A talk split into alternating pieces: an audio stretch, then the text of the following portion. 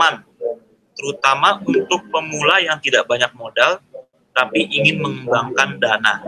Demikian Mas Ryan. Silakan dijawab. Iya, oke. Okay. Uh, eh, ini pertanyaannya ya seperti biasa. Pertanyaannya begini ini pertanyaan yang pendek tapi jawabnya sulit ya. Jadi uh, sebenarnya dalam kita mengembangkan uang kita itu dibagi menjadi uh, tiga kategori besar dari apa yang saya pelajari. Level pertama itu saya katakan sebagai yang disebut dengan money booster. Money booster itu harusnya adalah langkah awal setiap orang bila memiliki uang yang sedikit, bagaimana caranya untuk membuat dirinya menjadi lebih baik. Level pertama disebut dengan money booster, maka di sini segala sesuatu yang menghasilkan uang dengan return yang besar, tapi dengan risiko yang tinggi. Kenapa harus dari level pertama ini? Karena kita diuntungkan dari segi usia, di mana usia yang lebih muda itu memiliki waktu untuk mengulang bila mana gagal lebih banyak dibandingkan orang yang sudah tua. Jadi money booster itu terdiri dari yang namanya capital market dan juga real sector. Capital market itu misalnya kita bisa berinvestasi saham, bisa juga membeli reksadana, lalu kita juga bisa memiliki digital asset seperti cryptocurrency, lalu kita bisa di real sector itu entah mau usaha sendiri, usaha patungan kayak sama teman-teman. Ini semua bisa dilakukan dan hari ini semua hampir sudah ada fintechnya Misal kita hari ini kalau misalnya beli saham nggak perlu lagi isi formulir berlembar-lembar, tanda tangan setengah mati, ngirim ke sekuritas baru jadinya lama. Hari ini dengan bantuan financial technology banyak sekuritas online trading yang memungkinkan kita untuk membuka rekening secara langsung. Dan kalau ditanya Bagaimana caranya dengan pemula? Ya ini pemula nilainya mulai dari 100 ribu. Tapi kalau tanya saya takut akan resikonya, itu nggak nggak sinkron. Kenapa? Kalau anak muda harusnya berani sama resiko. Kalau sudah tua boleh takut resiko.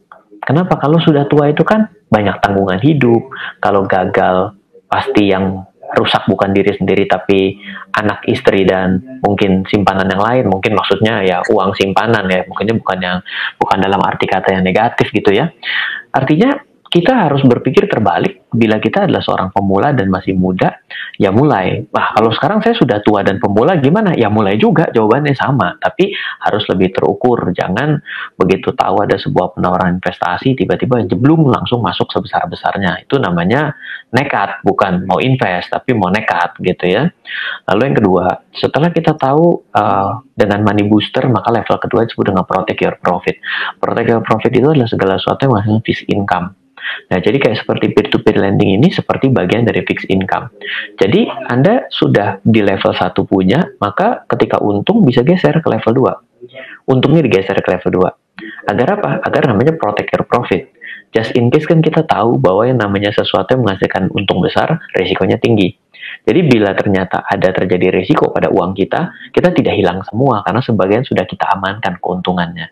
Jadi di fintech sudah banyak mau misalnya hari ini mau beli ori itu sudah tidak perlu lagi ngantri-ngantri ke bank. Bahkan ada beberapa platform sudah bekerja sama dengan uh, penjualan obligasi retail. Hari ini membeli FR sudah tidak seperti zaman saya dulu. Sudah bingung belinya di mana dapat penjataan belum tentu. Hari ini 50-100 juta. Wah, kok gede Ryan? Ya iya. Ini kan contoh yang gede, tapi menggunakan fintech juga. Kalau dulu punya 100 juta juga belum tuh dilayanin minimum nasabah prioritas gitu kan. Jadi lebih parah lagi gitu. Nah, kalau fintech lagi sudah pasti peer-to-peer lending pasti fintech. Lalu kita geser lagi kita geser lagi ke uh, level ketiga. Level ketiga disebut dengan creating wealth, bagaimana membangun kemapanan. Membangun kemapanan itu dibagi menjadi tiga, yaitu adalah memiliki properti yang produktif, yang kedua adalah melakukan bisnis dan akuisisi, yang ketiga adalah memiliki hedging atau lindung nilai. Lindung nilai itu yang paling umum orang bilangnya emas. Hari ini emas juga sudah di. Dengan cara apa? Mempunyai tabungan emas dalam bentuk kertas kan ada itu sekarang buku tabungan emas ya jadi nah, itu juga bisa. Nah uh, kalau misalnya properti gimana? Kalau properti masih fisik sih, tapi tetap saja kalau misalnya mau dipeperkan bisa kita beli namanya rates atau dire itu seperti reksadana reksadana properti itu membeli mall dalam bentuk pecahan ibaratnya seperti itu dan itu sangat mudah. Kalau misalnya kita mau bisnis dan akuisisi, mungkin hari ini buka franchise ataupun buka urunan franchise kan ada di equity crowdfunding itu juga bisa dilakukan. Jadi peran serta fintech itu sudah mulai masuk ke dalam aspek-aspek investasi. Tapi nggak bisa juga saya pemula, saya tidak punya uang, pas-pasan, saya mau mulai dari yang paling minim risiko. Wah, nggak naik-naik duitnya.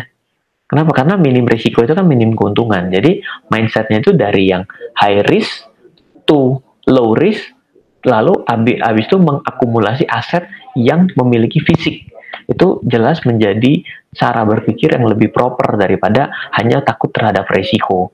Kalau kita takut resiko hari ini nggak ada yang pergi ke kantor loh. Tapi kok masih pergi ke kantor semua? Kenapa? Karena perlu makan juga. Kan jadi kan artinya nggak sebenarnya nggak nggak takut takut resiko amat kan gitu.